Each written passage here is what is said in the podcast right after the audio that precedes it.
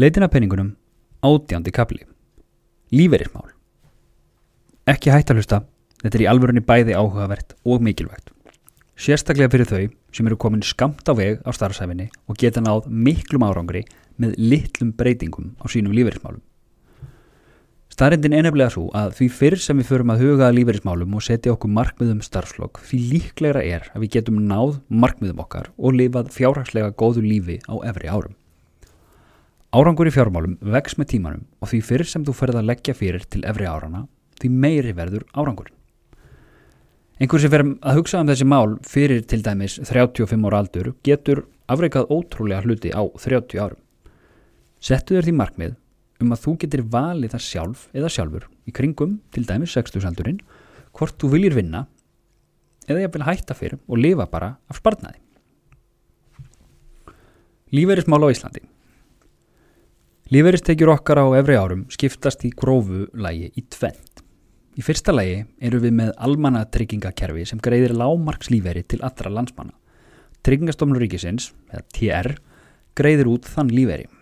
Það er mikilvægt að hafa í huga að greiðslunar frá TR skerðast við aðrar greiðslur eða tekjur sem við fáum. Til dæmis af tekjum úr líferisjóðum eða fjármakstekjum en ekki af tekjum úr sérregnarsjóðum. Við komum betur að þessum hugdökum hérna eftir örskamastund. Líferiskerfið á Íslandi. Sjóðasöfnun. Hitt kerfið er líferisjóðakerfið. Núverandi líferiskerfi má rekja til ársins 1969. Við gerð allsherjar kjærasamninga á vinnumarkaði var samið um að settir skildu upp líferisjóðir fyrir launafólk með skildu aðild og fullri sjóðsöfnun frá árinu 1970. Það er ágætt að staldra hérna við og sjá að þegar þetta er lesið og skrifað þá er lífeyrissjóðakerfið ekki nema rétt 50 ára. Það er því enn ekki komið á eftirlunaaldarinn og ekki byrjað að taka lífeyri þó svo að þeir sem að greiða eða séu þetta löngu búin að því. Og við erum fyrst núna að sjá fólk fara á eftirlun með full lífeyrisreitindi eftir að hafa unnið fulla starfsæfi og greitt í lífeyrissjóði. En hvernig virkar þetta? Öllu vinnandi fólki á Íslandi á aldrinum 16 til 70 ára er þannig skilt að greiða í lífeyrissjóð. Af laununum okkar er tekið gjald sem er rennur í, í þann lífeyrissjóð sem við greiðum. Þessa greiðslur eru að jafnaði 4% af laununum þínum fyrir skatt. Launagreiðandiðinn á svo leggja fram væna sneið á móti 11,5% af laununum þínum fyrir skatt. Þú og launagreðandiðinn greiði þannig lífeyrissjóðunum saman 15,5% af laununniðinum í lífeyrissjóð. Sumt fólk getur valið lífeyrissjóð en annað fólk er fast í ákveðnum lífeyrissjóði sem fylgir ákveðnum starfsgreinum. Til að setja þessar tölur í samengi 4% og 11,5% og 15,5% ef þú ert með 500.000 krónur í laun þá fara 20.000 krónur af þeim í lífeyrissjóð á hverju mánuði launagreðandin greiðir 57.500 krónur á móti, samtals 77.500 krónur í lífeyrisbarnað á hverju mánuði. Á ári eru það rúmlega 900.000 krónur og það munar um minna. Það er rétt að aðtuga að lífeyrissjóðsgreðslur eru ekki skatlaðar þegar þær eru greittar inn í lífeyrissjóðin. Þær eru það hins vegar þegar þær eru greittar út á efri árum. Anna fyrirkomulag er sérregnarsjóður sem er viðbóta lífeyrisspartnaður sem bætist við lífeyrissjóðin sem er skildu aðild að. Og það er valkvætt og það má byrja að greiða í hann við 16 ára aldur. Og það má byrja að taka hann út þegar þú ert 60 eða 60 ár.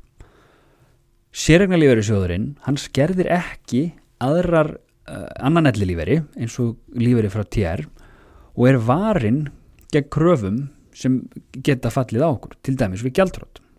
Þannig að ef þú ert búin að koma þér upp vænum sérregnarsjóði og verður af einhverjum ástöðum gjaldróta, þá er ekki hægt að taka sérregnarsjóðin af þér. Og þetta er því einhver örugasti spartnaður sem við getum myndað á æfinni og allir ættu að borga í sérregnarspartnaðum leið og þeir geta farið út á vinnumarkað. Viðbútalíferi spartnaður eða sérregnarspartnaður virkar þannig að þú velur að greiða alltaf 4% af laununum þínum í sérregnarsjóð en atvinnureikandi greiðir svo aukalega 2% á móti í þennan sama sérregnarsjóð að því gefnu að þú greiðir að lámarki 2%. Skattfrælsi sérregnarspartnaður allur lífeyrispartnaður er, er skattskildur á einhverjum tímapunkti. Eða hvað? Þegar kemur að sérregnarspartnaði þá eru dæmi um að hefðu opimbera hafi heimilað útgreðslur á sérregnarspartnaði skattfrjálst. Til þess eru tvær leiðir. Svo fyrri er ráðstöfun sérregnarspartnaðar inn á íbúðalán. Það er hægt að velja að greiða sérregnarspartnað mánadalega inn á lánið sitt. Fyrir einstaklinga eru þessar greiðslur 500.000 og fyrir hjón eru þær 750.000. Með þessari leið þá færð þú greittan út sérregnarspartnað án þess að greiða af honum tekjuskatt við útborgun. Þetta er hluti að finna svo kvöldu leiðréttingun. Og þau sem er að kaupa sína fyrstu fastegn geta núna nýtt sérregnarspartnaðin sem útborgun í íbúð með þessum sama hætti. Og í því kerfi eru fjárhæðina meira að segja herri fyrir hjón. Það eru heil miljónu ári en, en þá bara 500.000 fyrir einstaklinga. Og það er ekki bara hægt að nota sérregnarspartnaðin til að greiða höfustól af íbúðakaupum eða sem útborgun heldur er líka hægt að nota til að greiða niður lánin eða til að greiða hluta greiðslubyrðar af lánum um hver mánadarmót með nánar útfærðum reglum til dæmis því að láni má ekki vera verðtrekt. Það er ekki oft sem hveðið er fastað orði við ráðleggingar við þennan hljóðnema en greiðslur sérregnarspartnaðar inn á húsnæðislán eru undantekning á þessu. Við mælum eindreiði með því að allir sem geta nýtt sérgnarspartnað greiði hann inn á íbúðalán. Greiðslan sem fer inn á lánið þitt er nefnilega í rauninni aldrei skattlögð og þarna er um ríflegan skattaafslátt að ræða.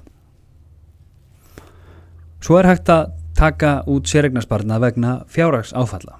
Þetta er ekki vegna persónulegra fjárrags áfalla, heldur vegna svona ytri aðstæðina í hagkerfinu sem að dinni á og hafa nýlega dunnið á.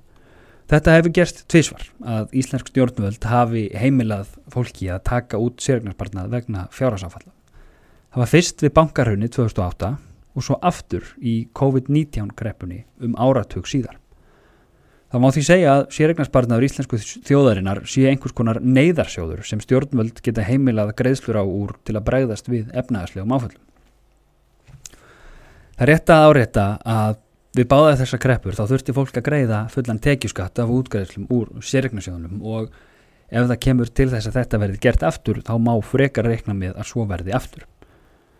Þetta er í sjálfu sér ekkit frábær ráðstufun á sérregnarspartnaði en hún er kannski betri en að lenda í verulegum fjárhásvandræðum en þarna er svolítið verið að geta útsæðið eins og það heitir og ganga á það sem að er hugsað til þess að nýtast manni í hári elli. Það kann að verðast flókið að fá yfir sín yfir lífeyrismálinn sín og hvernig útgreðslum verður háttað þegar maður byrjar að taka lífeyri. Það er hins vegar ekki svo. Þú getur skoðað hvað þú ert búin að vinna þér inn mikinn lífeyri á, á mí, mínum síðum hjá flestum lífeyrisjóðum og líka á vefnum lífeyriskátt.is. Þar skráir þau bara inn með rafrænum skilríkjum og heimilar kerfinu að sækja upplýsingar um allar greiðslu sem að þú hefur greitt inn í sjóði og þá framreiknar kerfið hvað þú getur gert ráð fyrir að fá greitt út úr því þegar þú hefur tökulíferis og sum forrið leifa það að þú framreiknir vantan líferi af ákveðnum tekjum. Þannig að þú ert með kannski 600.000 krónur í mánadalun og gerir ráð fyrir að verða með það út starfsæfina, þá færðu út ákveðna töl. Þannig að þetta er svolítið gott að geta gengið að þessu. Og svo getur þú skoðað greiðslur sem þú gætir átt vona á út úr almannatryggingakerfinu hjá TR Það skoðaru á vef tryggingastofnunar. Eitt gott ráða lokum. Þegar þú greiðir í sérregnarsjóð á beilinu 2-4% af heldarlaununum þínum þá greiðir vinnumveitandiðinn 2% á móti eins og áður segir. Hvort sem honum líkar það betur eða verð. Það er skilda. Þetta mótframlag má hins vegar vera herra samkvæmt íslenskum lögum. Ef þú ert í þannig stöðu að geta verið án hluta launana þína þá getur þú samið um það að vinnumveitandiðinn hækkið ekki endilega í launum heldur hækki mótframlægið í, í sérregnarsparnaðin til dæmis úr 2% í 4%. Með því þá hækkaru greiðslur í sérregnarsparnaðin um rúmlega 30% á mánuði sem getur haft mjög góð áhrif í framtíðinni.